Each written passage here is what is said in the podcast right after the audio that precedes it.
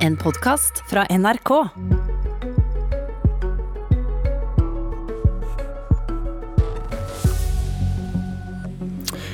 Må noen endre syn på egen økonomisk politikk etter korona? De som vil øke skattene får gi mer velferd til folket. De som vil senke skattene for bedrifter og folk flest. La meg komme med en spådom. De to du straks møter vil mene at denne krisen er en veldig god grunn til at den andre må endre politikk.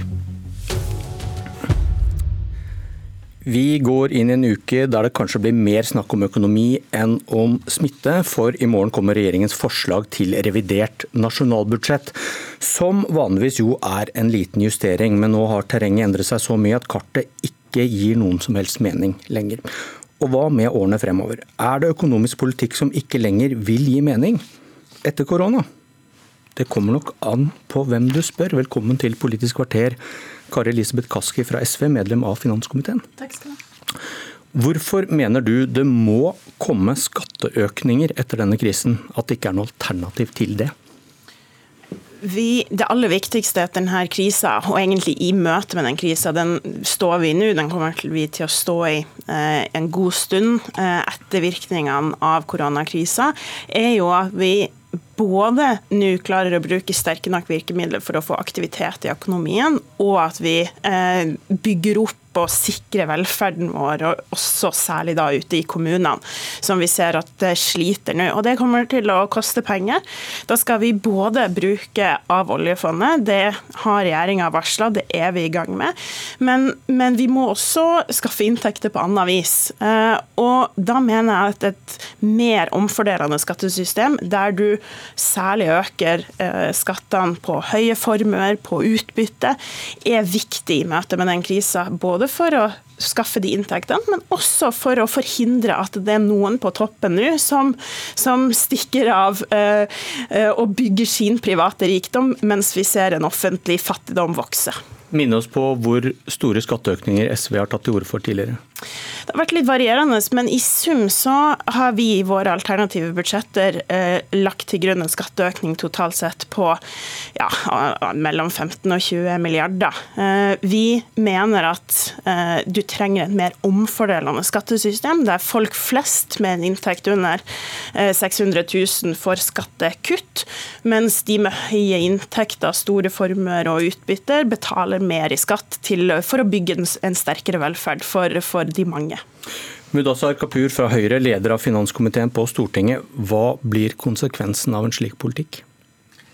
Konsekvensen av slik politikk er at uh, Kaski vil ikke få de inntektene hun mener bedriftene trenger for å, uh, og landet trenger fremover. Fordi det er nemlig slik at Gjennom denne koronakrisen så har vi sett at Tusenvis av bedrifter ligger nede med krukket rygg. Veldig mange arbeidsplasser er tapt. Hundretusener står utenfor arbeidslivet. Hvis vi skal få disse inntektene som nå staten trenger fremover, så må jo disse bedriftene komme seg opp på beina igjen. Det er den jobben vi jobber, eh, holder på med nå. Men så skilles våre veier. Eh, vi mener at disse bedriftene nå trenger eh, et eh, skattesystem som er forutsigbart, hvor skatten ikke går opp, hvor avgiften ikke går opp, slik at de kommer seg på beina igjen. Og Den viktigste inntekten staten kan få, er jo nettopp at disse bedriftene begynner å tjene penger og skatter, og at de skaper arbeidsplasser, slik at vi får arbeidstakere som også blir skattebetalere. Jeg tror faktisk at i den tiden vi nå har foran oss, så skal jeg være ærlig og si at det er ikke sikkert noe, verken du eller jeg har den riktige fasiten, men jeg tror dette handler om et veivalg fremover. Eh, vi mener, eh, jeg mener at eh, tida fremover nå handler faktisk om å skape gode rammebetingelser for norsk næringsliv, slik at vi får skapt de inntektene som vi igjen skal fordele til samfunnet. Og Dette er en krise som kommer til å vare i veldig mange år. SV har tatt til orde for ja, om lag 20 milliarder i skatteøkninger. Rødt og MDG ligger henholdsvis litt over dere.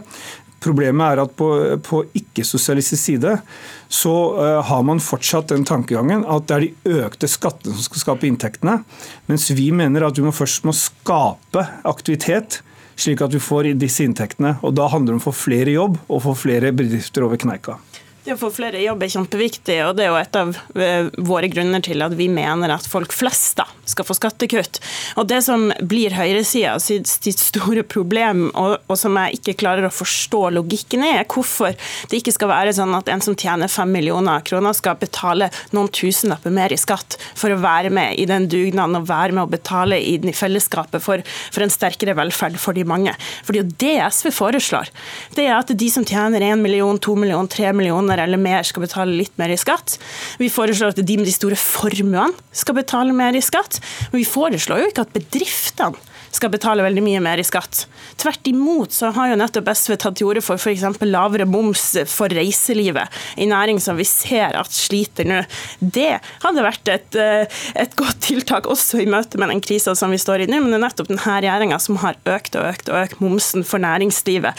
Så vi er helt enige i at vi trenger målretta satsing på, på nettopp næringslivet, på bedriftene våre, men det må også være sånn at de som tjener pengene, de store inntektene, de store formene, man er med på å betale for sykehusene våre, for eldreomsorgen, for okay. skolene rundt i landet. Jeg tror spådommen min i starten, den, den slo til. Kapur, eh, hvorfor nevnte du ikke skattelette som alternativ til Kaskis politikk? Altså, Vi eh, i Høyre eh, har jo gått til valg på eh, eh, å ha en politikk for moderate skattelettelser og som skaper aktivitet. Og Det mener jeg er en politikk vi skal fortsette med. Eh, selv om jeg ikke nevnte det spesifikt, så er det ikke noe tvil om at eh, Høyre er ikke et parti som kommer til å, til å gå til valg på høyere skatter. Eh, vi, mens vi har sittet i regjering, så har jo skatten gått ned med, skatter og avgifter gått ned med totalt 25 milliarder. Men du, hvis, du, hvis, vi, hvis du nå advarer mot at økte skatter vil være skadelig for næringslivet, nå trenger de hjelp. Hvorfor vil dere ikke fjerne skatter dere mener er skadelige for næringslivet nå da?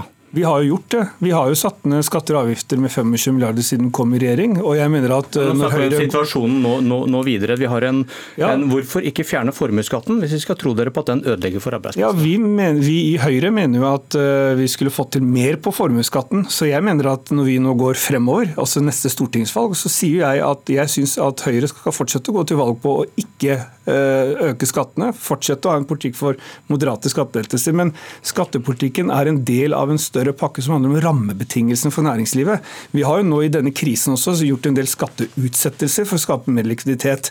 Men i tida fremover så blir det viktig å ha rammebetingelser som totalt sett gjør det enklere for norsk næringsliv å konkurrere internasjonalt, ta på seg oppdrag, skape flere jobber. Og kan du, kan du dokumentere at skattelette skaper flere jobber? Jeg, altså, det, dette spørsmålet vet jeg alltid kommer opp i en skattedebatt. Jeg tror at man må vie ut dette spørsmålet og vie ut hele den, den, debatten. Det handler ikke bare om å se på den enkelte skattelettelsen. En bedrift Det handler vel om å dokumentere ting som dere er så opptatt av i andre saker? Ja, men? Skattelettelse skaper jo mer aktivitet, det skaper mer forutsigbarhet. Det setter bedriften i større stand til å konkurrere internasjonalt hvis de ikke har særnorske skatter i, i et møte med internasjonal konkurranse. Men du kan ikke dokumentere at det har ført til flere arbeidsplasser? Har, altså, vi har jo dokumentert at skattelettelser skaper mer aktivitet. Det gjør at det skapes mer forutsigbarhet. Og for enkelte bedrifter så vil det også kunne da skape flere arbeidsplasser. Kaski, eh, et spørsmål jeg alltid syns er interessant når man som SV mener at vi må øke skattene med mange milliarder kroner for å få råd til velferd. Hvorfor ikke øke skattene med 50 milliarder, som vil gi dere råd til enda mer av all den velferden dere i SV ønsker dere? Ikke sant? Hvor skal man pinne da? Fordi du kan jo selvfølgelig du kan gjøre det. Du kan velge å øke skattene så mye du vil. Hva skjer da? Nei, Økte skatter har jo også en negativ side ved seg. Eh, du, folk har lyst til å tjene penger, f.eks. Du har lyst til å ha en inntekt, sånn at du går rundt, du kan betale regningene dine. Næringslivet trenger jo òg å få betalt regningene sine, ha en, en si, inntjening på det de produserer. Så du kan jo ikke skatte så mye at man sitter igjen med null. Nei, så man må hvor, finne hvor en balanse på det. Da. Ja, hva, er det? Hva er det? Hvor, mye, hvor mye kan du øke formuesskatten som du vil, mm. før det blir skadelig for norske eiere og norske bedrifter? Altså, formuesskatten er jo en, en, personbeskatning og ikke en selskapsbeskatning. Det er ingenting det er en, en å si for arbeidsplasser. nei, altså, vi mener at, og det kan ikke heller regjeringa dokumentere at det har. Det er en beskatning på rike personer sin, sin enkeltformue. Men, kan du, eh, men, kan, men nettopp til det, kan du dokumentere når skatteøkninger begynner å bli et problem? Du sliter vel med akkurat det samme problemet? Ja da, og det, det, er jo en diskusjon. Derfor så må du jo se politikken i helhet. Men det som, som, vi foreslår, er jo å breie ut skattegrunnlaget, sånn at du ikke skal være avhengig av å ha én enkeltskatt som du må øke mest mulig. Det er i tråd med det som er si, konsensus i økonomifaget, det er i tråd med det eh, internasjonale pengefondet, OECD anbefaler Norge.